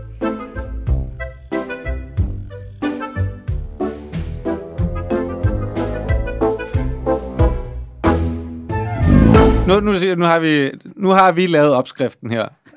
Altså, så er det op her, til andre. I det her Melodi Grand Prix ekspertprogram, som, øh, som, som det er. Nu er det op til andre at tage den herfra. Ja. Hør du med, Kjell Haik? Hallo, Kjeld. På engelsk, tak. Det vil, jeg vil give det en 0,001% sandsynlighed for, at Kjell Haik lytter med. Hey, vi fik Stelmand på et tidspunkt, ikke? Kjeld Haik er den næste på listen. Det er rigtigt. Ja, og så Jørgen Demilius bagefter. Ja, Og Jørgen Let. og så Poul Nyrup. Ja. Er han ikke død? Nej, det, Nej. det, det er han, nej. Nå. Nej, han er jo sikker i trafikken. Nå, okay. Poul Nyrup. Men, Men han var ikke, der, der var noget på et tidspunkt, hvor han var syg, var han ikke? var han ikke tæt på at dø, så? Jo, jo, det, altså, det er alle over Så 50 spekulerer hele tiden. om Det skal man heller ikke gøre. Nå. Jeg synes bare, jeg kan huske noget med, at han Jeg troede, Poul ikke Nyrup havde det så godt på et tidspunkt. Det Det er er jeg, der har været vildt trist over Paul Nyrup på død. Så jo er, er noget, man griner af. Jamen, det kan, jeg havde seks år i mit liv, hvor jeg var sikker på, at øh, ham, der spiller Gyllengrød i Pyrus, var død. Indtil jeg lige pludselig så ham i billedbladet sammen med øh, hende, der blev kørt over af en traktor. Hvem er blevet kørt over en traktor? Det var noget med en filmproduktion. på Birte. Birte Neumann, er det, hun hedder? Øh, ja, det er rigtigt. Ja, Birte Neumann blevet kørt over af en traktor. Det er lang tid siden, Ja, på tv-produktion, og så var der kritik af sikkerhedsforholdene. Jada, jada. Ja, ja. Men der kan jeg bare huske, at jeg var sikker på, at han var død, og så lige pludselig var han der, og så var jeg sådan, har jeg gået og været ked af det over Gyllengrød i seks år uden grund? Ja. Så så jeg ham, han blevet rigtig gammel. Lone Dybkær død, ikke? Paul Hyttel! Det var det, hed. Ja, Jo. Paul. Lone Nu, nu er det bare os, der ramser folk op, vi er i tvivl om, om jeg er i live. Men det er jo den bedste leg. Hvis du ikke er, hvis du ikke er død, så skriv til 1212. Send os Hvis dit du er en CPR-nummer. nævner, og du ikke er død, så skriv en sms til 12 12. Poul Nyrup er 77 år gammel. Nå, han var da skulle lige op og vende med øh, Joe Bidens indsættelse, ikke? At det svarede til, at vi valgte Poul Nyrup nu. Det synes jeg, der var det sjovt, fordi han var død. Det var det, der var joken. Yes. Joken var, at Poul Nyrup var død. Ja. De har valgt et lig. De ville Nå, død okay. Jamen, så er han ikke det. Fedt. Men jo, Fedt, det er- så er jeg helt glad. Jeg er helt lettet over Tror I stadigvæk, ikke- tror jeg godt stadigvæk øh, begge medlemmer af Rollo og King lever? Ja, de er da ikke så gamle. Nej. De må være i 50'erne nu, eller sådan noget, ikke? Er det? Var de ikke det dengang? Var de ikke bare lidt klamme? Rollo og King. Tænker du Brødrene Olsen? Nej, nej, nej. Da, da, Rollo King, var de ikke bare klamme? Hvad? Hvad? Hvad? Hvad? Nå, men det, det, det, du har ret i. Jeg tror, Rollo de var King- ældre, end man Rollo troede. King lavede sgu da sådan nogle, altså, De var i 40'erne, da de gjorde det. ja, var de skal du have dyt i bamsen, og så en Ja, ja. 40-årig mænd, der står, øh. Jeg tog ud og optrådte på diskoteker med det. Jeg har faktisk optrådt med øh, den ene halvdel af Rollo King til øh, Sindets Dag, som var sådan alle mulige foreninger om øh, mental sygdom og sådan nogle ting, som skulle holde møder. Og så skulle jeg på mellem Søren Poppe og en politisk debat. Men øh, Det var bare, der, altså det gik bare hurtigt ned ad bakke, efter der står et billede af dig på mit bord, til, ja, jeg har også været syg, til, jeg synes faktisk ikke, det er så stort et problem. Hej, jeg er fra konservativ, tag sammen. Og så lukkede døren. Ej, det, det, de der arrangementer der, hvor de putter sådan noget, altså det kan være virkelig grædt. Jeg har også skulle på til, da Helle thorning Schmidt annoncerede sin øh, statsministerkampagne. Øh, øh, det gjorde de over i, på Vesterbro, tror jeg, et sted. Et, et, et medborgerhus der, eller sådan noget. Der var jeg hyret til at optræde. Øh, og det var først Helle Thorning, der holdt en tale, så var det Anne Linde, der lige spillede sine to største hits lige til målgruppen, og så på med en øh, par 20-årig Michael Schødt, der skulle lave stand-up. så kan du selv prøve at gætte på, om de gad høre på, hvad jeg havde at sige. Men der var du Altså, du skal ikke gå på efter Anne Linde. Hvad, hvad er der galt med folk, der laver sådan en line-up? ja, Det giver ikke nogen mening. jeg kan sige, at øh, Søren, Søren, til godt Poppe, imod Michael Schødt. Fuck off. Søren Poppe er 49 år. Ikke Nå, mere. okay. Nå. Det jo ikke så slemt så. Så var han ikke så klam. Men, Jo. men Anne Liv, Han, var, ja, han har stadig været omkring 30, ikke? Det er vel okay, da han lavede Judy Bamsen. det var vel okay. Kæft, vel hvor er det okay. Hvad, hvor er aldersbarrieren for at lave dyt i bamsen? Jeg føler, at det her, det er, det her det er en podcast, der lige nu eksemplificerer, hvor bredt den spænder. Vi Ja. har både snakket, øh, kan vi indføre et nyt skattesystem, kan vi lave jobtinder, og hvor gammel må man være, når man synger dyt i bamsen. Og hvordan laver man den bedste Melodi Grand Prix sang til det internationale Melodi Grand Prix? Jamen Hvad? altså, Hvad er der Hvad mere vil folk have? øh, jeg, jeg har faktisk en virkelig interessant ting også, øh, som også passer sammen med vores... Øh, det var bare fordi Zetland havde en ret fed artikel omkring... Øh, øh, Stress. Øh, nej, de Wokeness. havde interviewet den øh, analysechef i Socialdemokratiet. Ja. Har du selv læst den artikel? jeg har ikke læst det nu, nej. Det var altså meget, meget, meget den spændende, at øh, da Socialdemokratiet var i kæmpe krise under Helle Thorning, så øh, hyrede de sådan en øh, total øh, meningsmål. Altså, øh, Danmarks første polster, øh, omtaler de ham så om i artiklen. Gik Socialdemokratiet Moneyball på den? Mm. Så Det gjorde de. Det, gjorde, det var vildt, det de gjorde. Han interviewede øh, frafaldende Socialdemokratiet vælgere, der stemte Dansk Folkeparti. Og det, han kørte bare rundt i hele landet. De vidste ikke, han kom fra Socialdemokratiet, hvilket jo er rimelig øh, fin detalje. Sketchy. Øhm, og for at finde ud af, hvorfor Hvorfor? at de var skiftet fra Socialdemokratiet til Dansk Folkeparti. Og øhm, Var det løftet om øh, flere flæskesteg sandwich?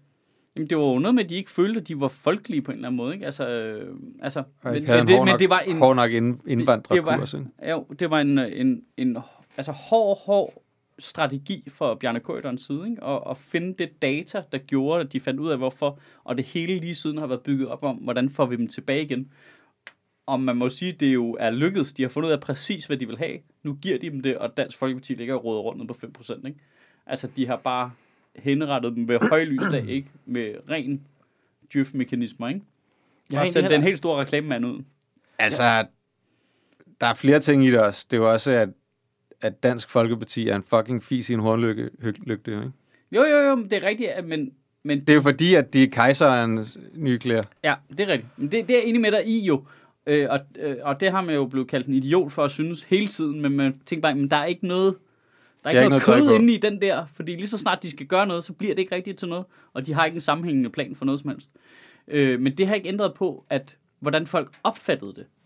De opfattede Pia Kærsgaard som en rigtig person, og Helle Thorning, Bjarne Korydon og alle dem der som nogle teknokrater, ikke?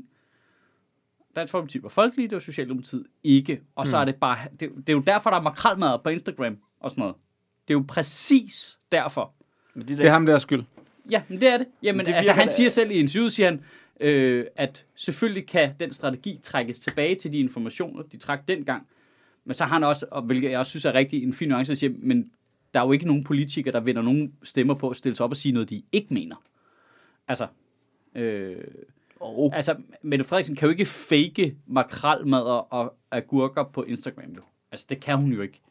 Hun er jo nødt til at mene det. Ellers kan vi jo se det langt væk. Alle sammen. Det du siger, det er, der er aldrig nogen politikere, der har været fake på Instagram. Jeg, jeg, vil, jeg siger det sådan her, at hvis de er, så spotter vi det og synes, det er pinligt og cringe. Det er da pinligt og cringe. Øh, jeg synes det, og selv med Mette Frederiksen, hvor jeg, jeg, jeg, Og tillægger, jeg tænker egentlig, at Mette Frederiksen er relativt folkelig. jeg, hun er jeg, ikke sådan jeg, en jeg tillægger hende ikke, at det der håndbold og sådan noget, er, er noget, hun lader som om. Det, der bliver cringe, det er, at de er helt tydelige i deres øh, kommunikation udnytter det.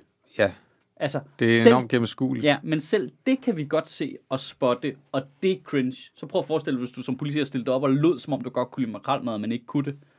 Altså, det ville vi jo kunne spotte. Hvor det bliver taget i sådan en, øh, en øh, Noma-gate, Ja. hvor at, øh, næste dag så Ja, det, det sidder du ville og spiser øh, myrer gennem sugerør ude på Refsaløen. Og det er svært at vide, om du er på fin restaurant der, eller narkoman, ikke? jo, Altså, men... Øh, det, altså, det altså, så, det er sådan en dobbelt ting. Jeg, jeg tror, jeg tror vidderligt ikke, der er nogen af dem, der lyver i deres offentlige billede. Altså sådan straight up lyver. Men selvfølgelig udnytter de, hvis de har et træk, hvor de kan se den her. de prøver at se bedre ud. Ja, ja, eller de prøver at utilize den her, altså og, og i Mette Frederiksens tilfælde, hvor det er så stort et system som Socialdemokratiet, der sidder der nogle andre mennesker, kigger på hende og tænker, den der, den er god.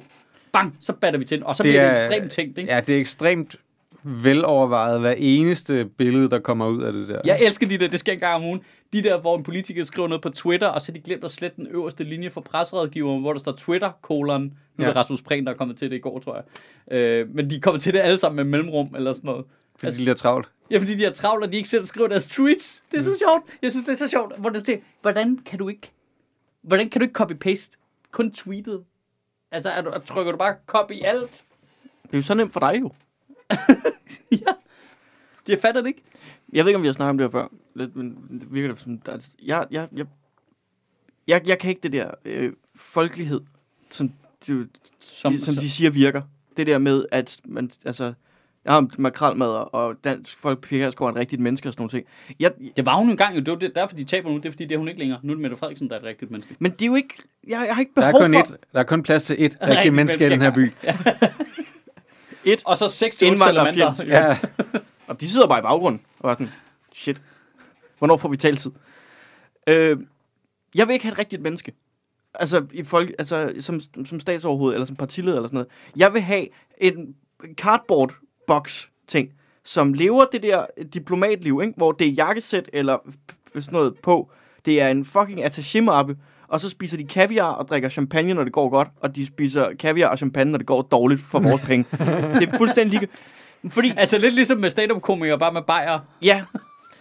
Det der mærkelige, ah, det er så rart, man kan relatere til dem. Du skal ikke relatere til de her mennesker. Nej. Du skal, de skal lave deres fucking arbejde. Og så skal vi sidde, det er, vi stemmer jo ind, som du skal repræsentere os. Nu har jeg stemt på dig. Øh, lad os bare sige, øh, for argument's sake, jeg har stemt på Mette Frederiksen. Så er det mig og, øh, hvad, hvad, hvad fik hun af personlige stemmer? Sådan noget 240.000 eller sådan noget. Ja. Cirka. Så er hun 240.000 mennesker. Det er hun. Ja. Ja. Den der, eller hvor meget en, en plads i Folketinget nu svarer til menneske, øh, menneskemæssigt. Det er dig. Du skal, ikke være et, du skal ikke være dig selv. Du skal ikke være en, der er glad for makrelmad. Du skal være et blankt stykke karton, som vi ringer ind til og siger, jeg kunne godt tænke mig det her. Så får du 240.000 opkald. Så vurderer du, okay, øh, der er 239.000, der siger, hey, hvad med borgerløn? Så kan det være, at jeg skal være den, der argumenterer for borgerløn. Det er dit arbejde jo. Altså, Jeg synes ikke, øh, blank karton er, jeg- er jeg ikke enig i, men jeg er enig i, at jeg er også, men det tror jeg, jeg siger noget om os, faktisk. Jeg er også til teknokraten jo. Jeg vil, jeg vil have Ja, nogen, der ved, hvad de laver. Ja, øh, man vil have nogen, som er dygtige til at gøre det, og som kigger på, øh, altså lidt ligesom en læge eller sådan noget, kigger på det, hvad er bedst for os alle sammen. Jeg synes ikke, Mette Frederiksen repræsenterer de 240.000. så mange er der slet ikke, der stemmer på hende. Nej, nej, men, men hun skal repræsentere alle. Hvad er bedst for os alle sammen? Hmm. Også selvom det ikke nødvendigvis er mig. Øhm, Men det, Og jeg skal ikke det er kunne identi- utroligt tænkt jo. Altså, det kan jo ikke lade sig gøre at repræsentere så mange mennesker på en gang, fordi at de alle sammen mener noget nej, forskelligt. nej, men jeg skal ikke kunne... det er derfor, vi er nej. nødt til at vælge nogen, som vi ved, hvad de mener. Ja, Og så siger man, du, du virker som den, der er mest enig med mig, så stemmer jeg dig ind. Så gør du, hvad du gør. Ja, selvfølgelig, men jeg synes heller ikke, det er ikke sådan, at jeg skal kunne identificere mig med vedkommende. Men det skal ligesom være en, der... Altså, når du er statsminister, så skal du gøre, hvad der er bedst for hele landet. Ja, Ikke kun for dem, der også kan lide makrel. Det, tror jeg også, at hun føler, hun gør. det tror jeg også. Men det tror jeg også. Det, det, er ikke, det er ikke en specifik kritik af Mette Frederiksen, men det er for at sige, altså, jeg, jeg kan... Altså, jeg har en forkærlighed for teknokraten. Der er helt klart nogle andre mennesker, som har forkærlighed for øh, sociohjælperen, der selv rejser sig op og sagde, nu skal der også være mere frokostpause. Jeg kan, ikke, jeg kan simpelthen ikke se forskel. Den, den, den, den, den type har jeg ikke. Så er der nogen, der lader som om de er det ene. Det, det tror jeg, du slipper rigtig dårligt sted med i Danmark. Det tror jeg altså, vi spotter med det samme. Det der lykkedes uh, Pia Kærsgaard at sidde på elitens tinde igennem de sidste Ej, 25 år og stadig være en sociohjælper. Nej, hun startede som sociohjælper. Det var derfor, at folk de elskede hende. Og så hun, uden hun selv har opdaget det, morfet over til at blive eliten. Og det er derfor, det går helvede til. Hun har ikke fingeren på pulsen længere. Hun rammer ved siden af med næsten alt, hvad hun siger. Hun, hun har ikke fingeren Det er, på... fordi hun er blevet gammel. Ja, Mm, Så må ja hun og fordi gå. hun har siddet på Christiansborg for evigt. Har de ikke en anden gård et sted? Og problemet, Op her, nordpå. Ja. og problemet her er jo, at Mette Frederiksen har også siddet derinde for evigt, men prøver ikke at lade, som om hun er noget andet. Pia Kærsgaard var noget andet, og uden hun har opdaget det, er hun blevet til noget nyt, som hendes vælgere ikke kan lide. Hun kan bare ikke selv se det. Og jeg tror ikke, man skal tage fejl af, hvor meget den der Morten Messersmith svindelsag i EU, selvom man tænker, ja ja, så er det lidt glemt, og nej, det, det, det, var, det var nyere fucking hugget, det der med, de blev præcis det, de gik ind i politik for at være imod. De Det- blev det, det- det præcist, og det slipper de aldrig væk fra, det der. Nej, jeg tror, jeg tror faktisk... Øh, Illusionen brist 100% hos alle. jeg, jeg tror også, at, at det der med, at når du har en øh, masse vælgere, som har stemt på dig i mange år, fordi du også er et øh, lov- og orden-parti, som har fyldt rigtig, rigtig meget af deres retorik, at der skal være lov og orden, og folk skal opføre sig ordentligt, og alle de der ting, ikke? Og ikke alt det der byråkrati og korruption og hvad der nu er. Altså, når du så har sådan en sag, som det med Morten Messerschmidt, at du stiller dig, bare stiller dig om bag ved ham med det samme, og ikke tager afstand, så taber du. Ja. Når du, når du oplever, at Inger Støjberg har brudt loven, er det ligesom blevet øh, konkluderet fra forskellige instanser nu, og du stadig tænker, nej, det er ikke, det er ikke værd. Det, det behøver hun ikke blive dømt for. Alle andre skal dømmes for det, de gør, der er ulovligt. Men jeg Tror... Og vi er jo øvrigt hurtige til at konkludere, at de har gjort noget ulovligt, inden de har været for en dommer i øvrigt. ja, Øhm, det, det skal de dømmes for. Men ikke hende, for hende kan vi godt lide. Ja. Så taber du. jamen, det tror jeg også. Det, Jeg- der tror jeg, at der, altså, der, øh, der er min, min tillid til DF's vælgere, eller tidligere vælgere i hvert fald, så høj, at ligesom, trods alt, at de er ret principfaste omkring, det er ikke okay. Det, det er ikke okay, at de synes, at loven kun gælder for nogen. Nej. Det er det, vi, det, det, vi har stemt på jer for, at I ikke skulle være. Jamen, og jeg, jeg tror egentlig, det er endnu dybere end det, fordi når de bliver så åbenlyst ikke, altså de startede med at være partiet for almindelige mennesker, som ikke følte sig repræsenteret inde på borgen. Hmm. Men når de så åbenlyst bliver, noget, altså de er jo blevet til sådan en form for mafia-familie, hvor de bakker op om Morten Messerschmidt og, og Inger Støjberg, selvom det helt åbenlyst er forkert. Hmm. Og det er sådan, altså, selve ideen, altså, man kan se, hvor galt de tænker. Alene det at sætte Morten Messerschmidt op som næstform, eller sådan som kronprins nu, altså, hvor man tænker, kæft, I er langt væk fra jeres vælgere, mand. Hmm. En ting er, hans, det er ham, der har snydt. Det er ham, der har lavet det åbne, blødende sår i jer. Ja. Det, det, andet er, det, det andet er, at han går med stråhat og hører opera, og øh, du ved, altså, ja. du ved han, han er så langt væk fra Pia Kærsgaard, han overhovedet kan komme jo. Men man skal jo ikke glemme, at før den der svindelsag, fik han jo trods alt absolut største personlige stemmetal, der nogensinde er opnået ved noget valg i Danmark. Ja, til Europaparlamentet. Ja, til Europaparlamentsvalget. Nå, men jeg siger ikke, at der ikke er folk, der godt kan lide 14. Morten Messerschmidt.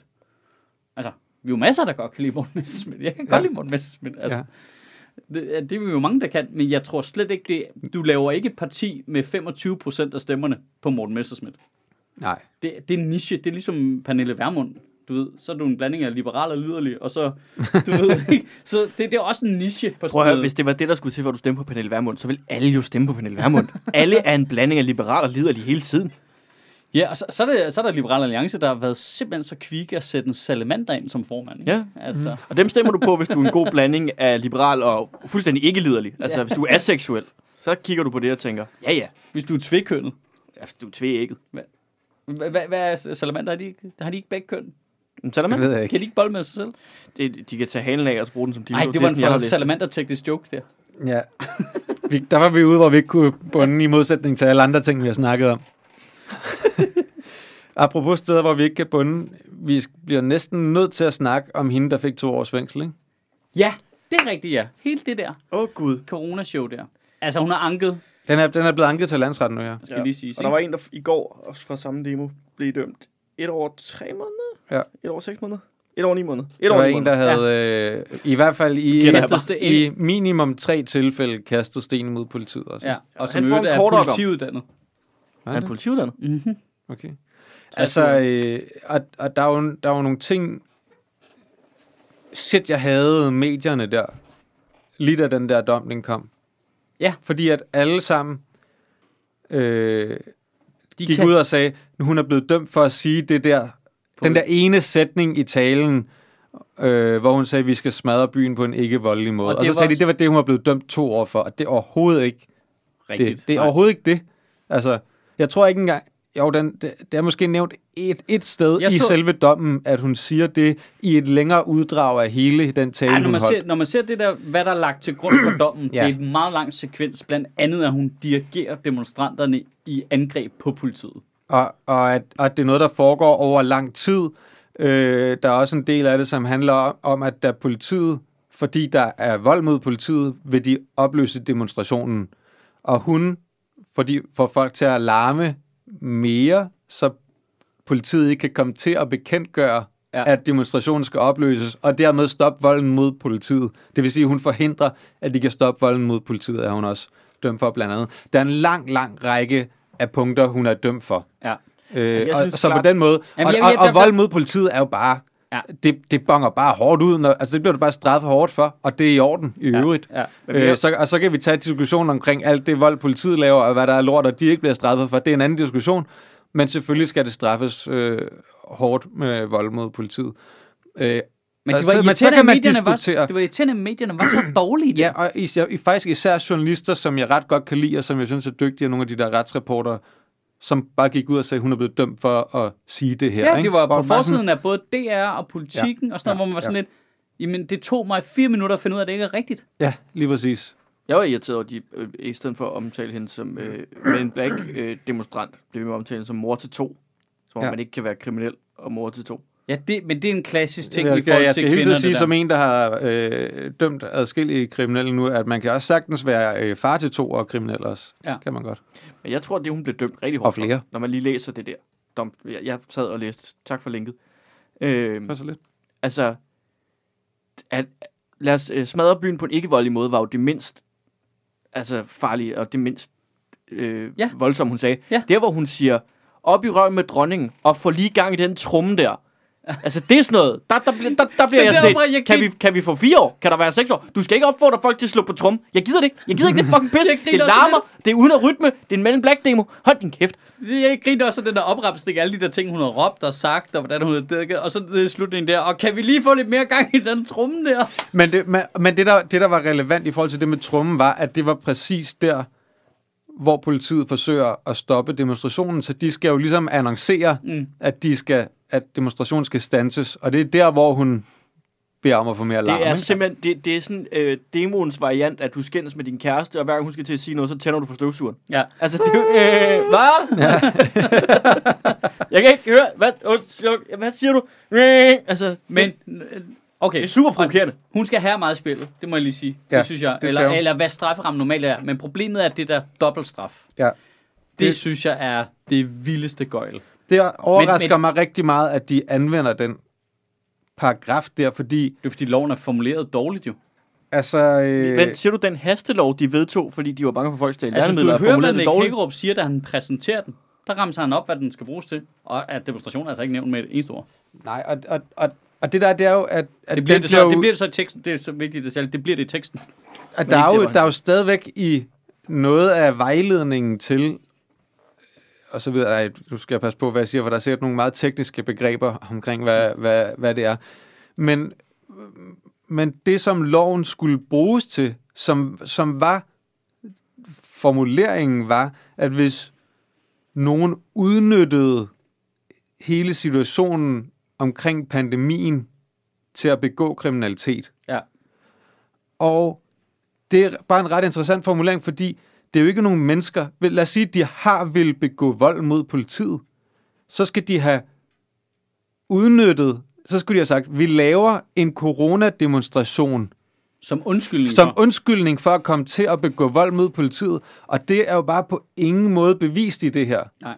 at det har været tilfældet. Nej, men jeg tror også... Det er jo, noget, det er jo, ikke, det er jo ikke folk, som øh, har stjålet værnemidler eller håndsprit, eller som, øh, som har sendt en mail ud til gamle mennesker og sagt, hey, du skal lige gå ind Men- og registrere dig til en uh, vaccination, Men- og så lænser vi dit dankort i stedet Men for. de har med vilje øh, lagt beslag på meget af politiets ressourcer i en krisesituation, hvor vi Men det har du også, da du lavede, med, øh, da du lavede Black Lives Matter demonstration. Ja. Der var også politiressourcer. Ja. Uanset der hvad du du, der kunne demonstrerede du for. i princippet også blive dømt for dobbelt. Altså, øh, jeg så, Nej, det kan du ikke. Hvorfor ikke? Det kan du netop ikke, fordi at det handler om, at demonstrationen handlede om corona. Det er ikke det der med, at de det lagde kan være, beslag det er så på. de formulerer nu, men jeg er ikke stensikker på, at andet ikke vil gøre sig igen. Jeg så godt, Christian Hegård også sagde, hvorfor skal du have dobbelt straf for vold ved øh, Black, øh, øh, hvad hedder det, men en Black demonstration, og ikke til øh, øh, Black Lives Matter? Men det ved vi ikke jo. Jeg så godt en eller anden socialdemokrat, som helt idiotisk var ude at sige, Nå, men de lagde jo også beslag på meget politiets ressourcer.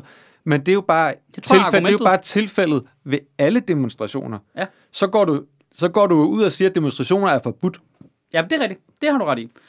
Du må ikke demonstrere, fordi så lægger du øh, beslag på, politiets, politiets ressourcer, ja. og du bliver dømt dobbelt straf for det, Hvis du gør noget kriminelt hvis du gør noget kriminelt. i den forbindelse. Ja. Men, men, men, men, men, og så nej, fordi så er vi jo væk fra, at det handler om at lægge beslag på politiets ressourcer. Fordi uanset når du gør noget kriminelt til en demonstration eller ej, så lægger du beslag på politiets ressourcer. Der er altid nødt til at være politi Nå til ja, stede. men vi kan, så det argument gælder ikke. Du kan ikke sige, du, så, fordi så, hvis du, selv hvis du ikke gør noget kriminelt, lægger du beslag på politiets ressourcer. Så det er ikke argumentet. Nej, det er rigtigt. Jamen, jeg synes også, det der dobbelt straf, det virker fuldstændig... At det, Selvfølgelig skal hun i spillet. Det er mega alvorligt, det hun har gjort og været med til at gøre, og opfordret andre til at gøre, osv. Og Hvis man følger, hvis man er enig i dommen. Men, men, men at straffe dobbelt for noget, som andre vil få en min, mindre straf for, hvis demonstrationen havde handlet om noget andet, er idiotisk, synes jeg. Og så, så er der helt det der med, at øh, dem, der har sat ild til den der dukker, Mette Frederiksen, er anklaget for højforræderi. Er de det? Det kan give op til 8 års fængsel. Plus coronaparagraf oven, eller hvad? Øh, hende, der har delt det billede, Hun blev anholdt i søndags. blev anholdt i søndags, Det er sygt. anklaget for højforræderi. Det er helt fucked. Det er 100% helt fucked, og jeg kan ikke forstå hensigten fra politiets side her. Nej. Fordi normalt så plejer det at fungere sådan jo, at politiet enten er enormt retfærdige, eller også, hvis der er noget lovgivning, som de synes er latterlig, så går de ud og håndhæver det, så vi kan se, hvor åndssvagt det er. Mm. Mit yndlingseksempel er det der med, at man lavede, øh, at det skulle være ulovligt at lave utryghedsskabende tiggeri, fordi man gerne ville ramme romærerne, men det kunne man ikke skrive i loven, så man endte bare med at skrive, du må ikke tigge i nærheden af togstationer, og de første, der røg i fængsel på det, var jo danske hjemløse. Mm. Altså som det slet ikke var meningen, de skulle ramme. Og der gik man jo bare ud og håndhævede loven benhårdt for at vise, jamen I har lavet en lov, der siger, at man ikke må det her, så nu har vi anholdt folk for det. Mm. Er I så glade nu, eller hvad? Ja, Ja, det er sådan lidt passiv-aggressiv måde at sige, det, det, det er ikke holdbart jo. Fordi enten så skal politiet begynde at se igennem fingre med loven, Men jeg jeg, eller for, også så skal I formulere loven rigtigt. jeg forstår bare ikke... Altså, jeg synes også, selvfølgelig skal hun i fængsel i det der ene år, som straffen øh, var Ville have udmålt været, til, ja. ville have været. Selvfølgelig skal folk, der har kastet sten efter politiet i fængsel, og det der med, øh, selvfølgelig skal folk, der tror, øh, altså der sætter ild til, altså det skal have en eller anden konsekvens, hvis du fremsætter reelle trusler Ja. mod øh, politiet, eller mod... Øh, Men det der var eller- åbenlyst ikke en reel trussel. Hun, Nej, lag, hun, lag, hun lagde jo billedet op på sin Facebook i, altså som en protest imod den hårde dom, Ja. Ja. der var kommet. Ja, ja. Det var ikke mm, som en... Ej, men det, det er helt, og det, det der irriterende er, at nu begynder man at give de der uh, Men in Black guys ret. Ja, Altså man præcis. begynder at give dem den Det var det, jeg. Det var det, jeg ville sige. Det, Ja. var, det, var, det var min point. Altså, du går ud og bekræfter dem i diktaturstat og i mm. alt det der, Ja. når politiet begynder at opføre sådan der. Er det, altså, og, det, gør, og det er jo ikke politiet, der øh, gør noget, de ikke føler, at de skal. De, og, som du selv siger, de håndhæver en lov. Den er fjollet. Øh, straframmen Ej, men omkring det kan være fjollet. Lige det der med højforræderi, det, det synes Det er jeg... Højforræderi er jo sådan noget, du giver til dem, der øh, altså, skifter side under øh, borgerkrigen. Ja. Ja, eller folk, der går i crocs. Ja, altså, det, det, det, det, vi bruger det alvorlige er alvorlig kriminalitet. Folk, der tager i parken og ser en landskamp, og så hjælper Sverige til en sejr, det er højforræderi, Ja, ikke? ja. Altså, hvad, hvad med ham, der løb ind på banen? Ja, man sidder oppe i Göteborg et sted, ikke? Altså, i Han fuldstændig er diplomatisk... Ja. Han er jo, blevet, han er jo i eksil, jo. Ja. Altså, det er jo høj for, ja, han, han, højforræderi. han, er ham og Snowden, ikke? Og Ja. så, Altså, hvis du deler et... Hvor- Hvordan er han ikke blevet anklaget for højforræderi? Det forstår jeg ikke. Højforræderi er bare sådan en ligegyldig... Det er sådan en gammeldags forbrydelse, for dengang vi havde sådan nogle monarkstater. Det, det er jo lige meget... Nej, jeg, jeg kan da sagt, jeg vil da sige, okay, øh, folk, der rejser ned og kæmper for islamisk stat mod vores øh, soldater, det er da højforræderi. Det er ikke Ja. højforræderi, det er bare forræderi. højforræderi er sådan en id. Det er... Ringer folk. Ja. Det, altså, er det er jeg enig med dig i. Hvis du tager ned i et fremmed land og kæmper på fjendens side imod, mod vores soldater, Ja. så øh, læner du dig nok op af. Hvis du poster et billede på Facebook, Nå, hvis du tager til forum og kæmper på den anden side af vores politisoldater. Mm. Højforræderi. Jeg, jeg, jeg, jeg ikke... Nej, Men jeg, jeg, jeg, synes, jeg, jeg, vores, øh, vores øh, gode øh, ven, som vi altid bliver øh, våde i trussen over at snakke om, Jakob Tangama, Ja. øh, han, øh, han postede noget meget interessant fra... Er det ham, øh, øh, han, han er også så flot. han er en flot mand. Jeg skal, er det ham, der laver vejret? principper, ikke? Ja, det er ham, der lavede vejret, ja. øh, han postede noget med, at der var en principafgørelse fra den norske højesteret, som handlede om ytringer. Øh, omkring, at der havde den norske højesteret ligesom gået ind og sagt, du kan ikke straffes for ytringer, der ikke er direkte fremsat på en måde. Altså, du kan ikke gå ind og tolke på og sige, måske mente personen det her med det. Selv der vil man sige, i Norge, det kan du ikke straffes for. Vi kan ikke gå ind og bare sige, altså, han har sagt noget, det kan, det kan tolkes på forskellige Men- måder. Vi tror, du mente det på den her måde. Det skal, du skal, det skal være direkte fremsat. Ja, men altså, hvis, hvis det at, at lave den der dukke og sætte ild til den, hvor der nedenunder står, humor skal aflives, som er en reference til, til det noget, hun selv har sagt. om mink. Ja. Hvis det tæller som en trussel, altså så, så skal de ikke kigge i mine taler jo. Nej. Altså, så skal du vidderligt straight up ikke kigge i mine taler. Der, jeg, jeg, jeg citerer, altså, det er uden at citere folk, kommer jeg med direkte trusler. For Mm. sjov. Ja. Altså, det, det er jo gerne, øh, helt absurd jo. Ja, Ja. On record sige, at jeg aldrig har skrevet en trussel til Michael Schøtz tale. Du står på jo, ikke? Så du øh, Du bliver... er redaktion. Ja, du bliver... Det, er- det, det, Sofie og jeg læste lige den der artikel øh, på DR med øh, de fire, dem der, dem der strak begrebet for comedy talk shows, ja, ja, og ja. anbefalede fire styks. Øhm, Det var lidt irriterende, at Bill Maher var på den liste. ja, det var lidt irriterende. Det er lidt træls. Ja, og det var også lidt irriterende, at øh, altså, John Oliver var på den.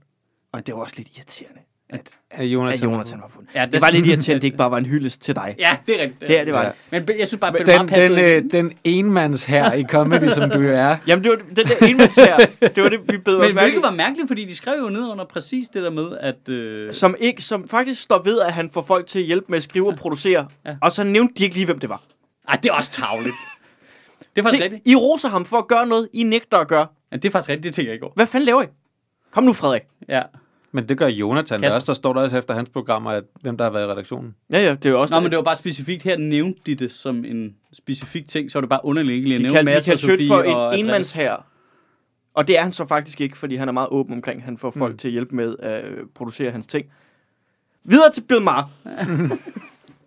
Ej, nu lød det rigtig bittert. Jeg synes bare, det var en sjov måde at formulere det på. At man sådan ligesom ruster for noget, man ikke selv vil gøre. Men, øh, men, men, men, men tilbage til, øh, hvor vanvittigt det andet er. To år. Er dobbelt straf for ikke at nævne Men dig det jo i ikke- artikler. Men, øh, men hvad hedder det? Ja, Højforræderi. ja. Altså, jeg synes, vi regnede lidt. Jamen ja, men det, det, det, det, der hvor det bliver vildt, at det der med, at okay, okay, jeg kan ikke i min vildeste fantasi forestille mig, at dem, der har sat ild til den dukke, bliver dømt for højforræderi. Det kan jeg simpelthen ikke forestille mig. Blandt andet ud for, altså, det er jo, det er jo jeg synes, det er åbenlyst ikke en trussel. Åbenlyst. Men for at kunne dømme nogen, så skal du være stensikker på, at det er en trussel. Ja. Det kan du ikke være. Det kan du umuligt, med mindre de har alle mulige data på de to guys. Udover enhver rimelig tvivl. Præcis. Så de bliver ikke dømt. Det må politiet jo vide. Det tror jeg heller ikke, de gør. At de ved, de Nu ikke... skal jeg passe på at sige, at jeg ved ikke, om jeg kommer til at være domsmand i en af de sager, men, Men- så, så jeg, Altså, jeg, det- jeg, jeg, kan jo men, ikke men, sige, men, men, hvis prøv- du jeg kan jo ikke læser- sige, hvad, men, hvad, det, jeg altså, siger det kommer an på, hvad man ser af beviser i det. Men så begynder politiet jo at tænke i at anklage nogen for noget, for dem, altså kritikken, Ja, for selvom de ved, at de ikke bliver dømt, fordi det er en retssag, der kommer til at køre om en halvt år. men Eller jeg et synes, jeg synes, jeg har Altså, set så- mange sager, hvor folk er anklaget efter paragrafer, der virker alt for voldsomme. Altså, Men det er jo paragraf problemet. 34 Ja. ja. lyder Specielt i voldsomt. forhold til demokratisk at lave en demonstration, fordi man er utilfreds med regeringen. Altså det er så hvad de end mener, og hvor store klovne de er, det er jeg helt ligeglad med. Selv princippet i, at de kan risikere at blive anklaget for alt muligt vildt, for at prøve at afskrække dem fra at demonstrere, det synes jeg er helt vildt. Nu siger de noget, ikke?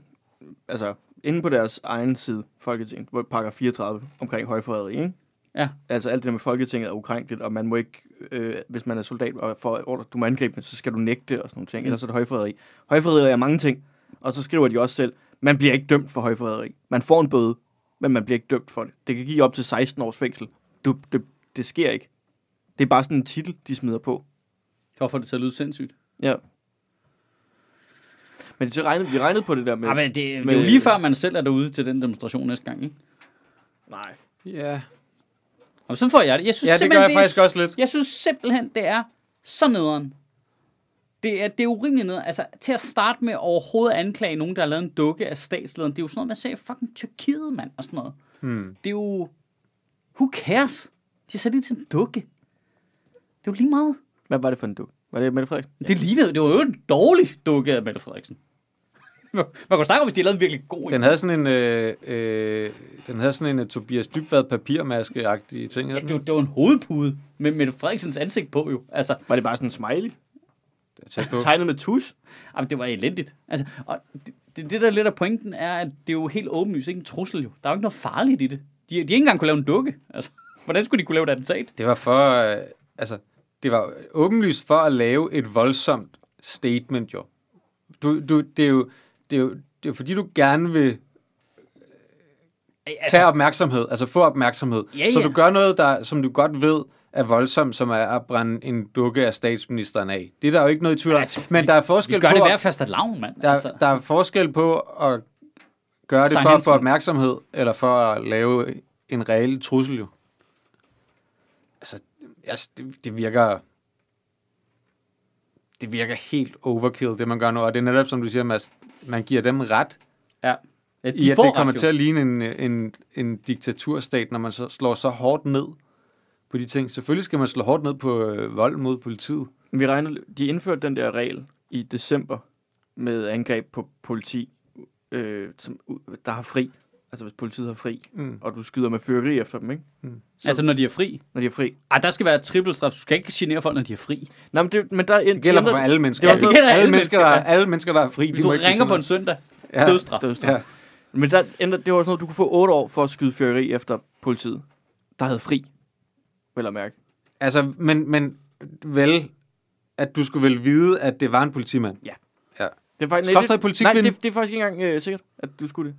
Jamen, du, du kan jo ikke dømme nogen for at, at, at skyde Det var en meget... fyrkeri efter politiet, hvis de ikke er klar over, når de gør det, at det er en politibetjent. Det var, hvis det, Det er jo var, åndssvagt. det var vist det, der var sket med Fordi så er du ikke, øh, for, så er du 16-årig. jo ikke fortsat, så er du ikke fortsat til at skyde efter politiet, efter, når du ikke ved, at det er politiet. Det giver ingen mening. Det, jeg siger ikke, det skal ikke give mening. Men vi regner bare, de, de har kastet med brosten og skudt fyrkeri efter politiet til en demo. Mm. Hvis der har været en politibetjent, der bare er gået forbi der i sit civiltøj, og bare været på vej hjem efter en lang dag, og var sådan et godt dæk af mig, så havde han blevet ramt af det der fyrkeri. Ikke? De har skudt efter politiet. De har så ramt en, de ikke regnede med var politi, for han var ikke på arbejde. Så skulle de have, så kunne de få op til 8 år for det, til en coronademonstration. Det er 16 år. Lad os lige antage, at det sker i en ghetto. det er 32 år. Men det, Det ganger man. Nej, Eller, nej, Selvfølgelig. du kan max få dobbelt, uanset. Hvad? Ej, Ej, nu, nu synes, ødelægger du altså mit regnestykke. nu synes jeg, at vi er blevet nogle juridiske pussies. Altså, akkumulerer det ikke det der, eller hvad? Ja. Altså, øh, altså coronademonstration i en ghetto, ikke? Det er vel øh, gange to Fire gange. dobbelt, fire dobbelt Ja, ja. straf. Så gavner med to, to gange, ikke? Jo. Altså, jeg synes også, vi skal arbejde os op til, at man kan give straf i anden.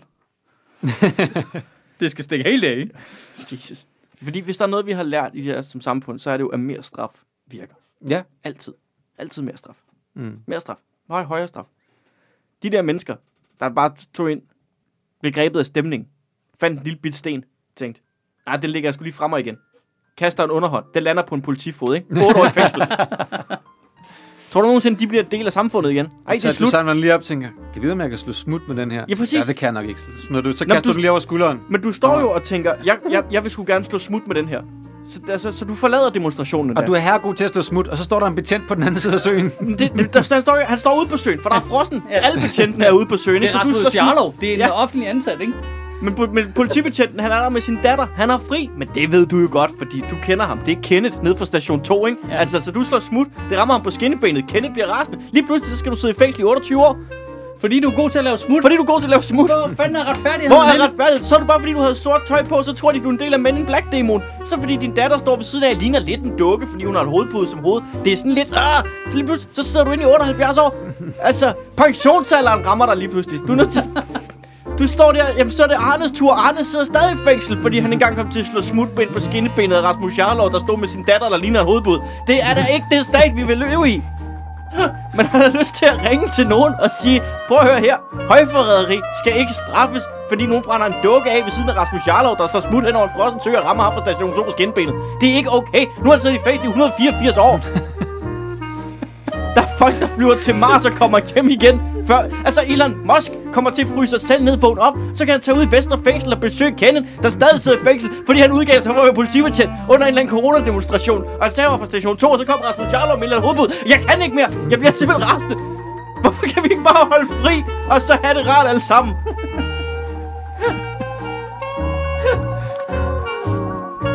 Det er et godt spørgsmål. Ja, det er et godt spørgsmål. Det er et godt spørgsmål. Det er et godt og meget langt og meget rart spørgsmål.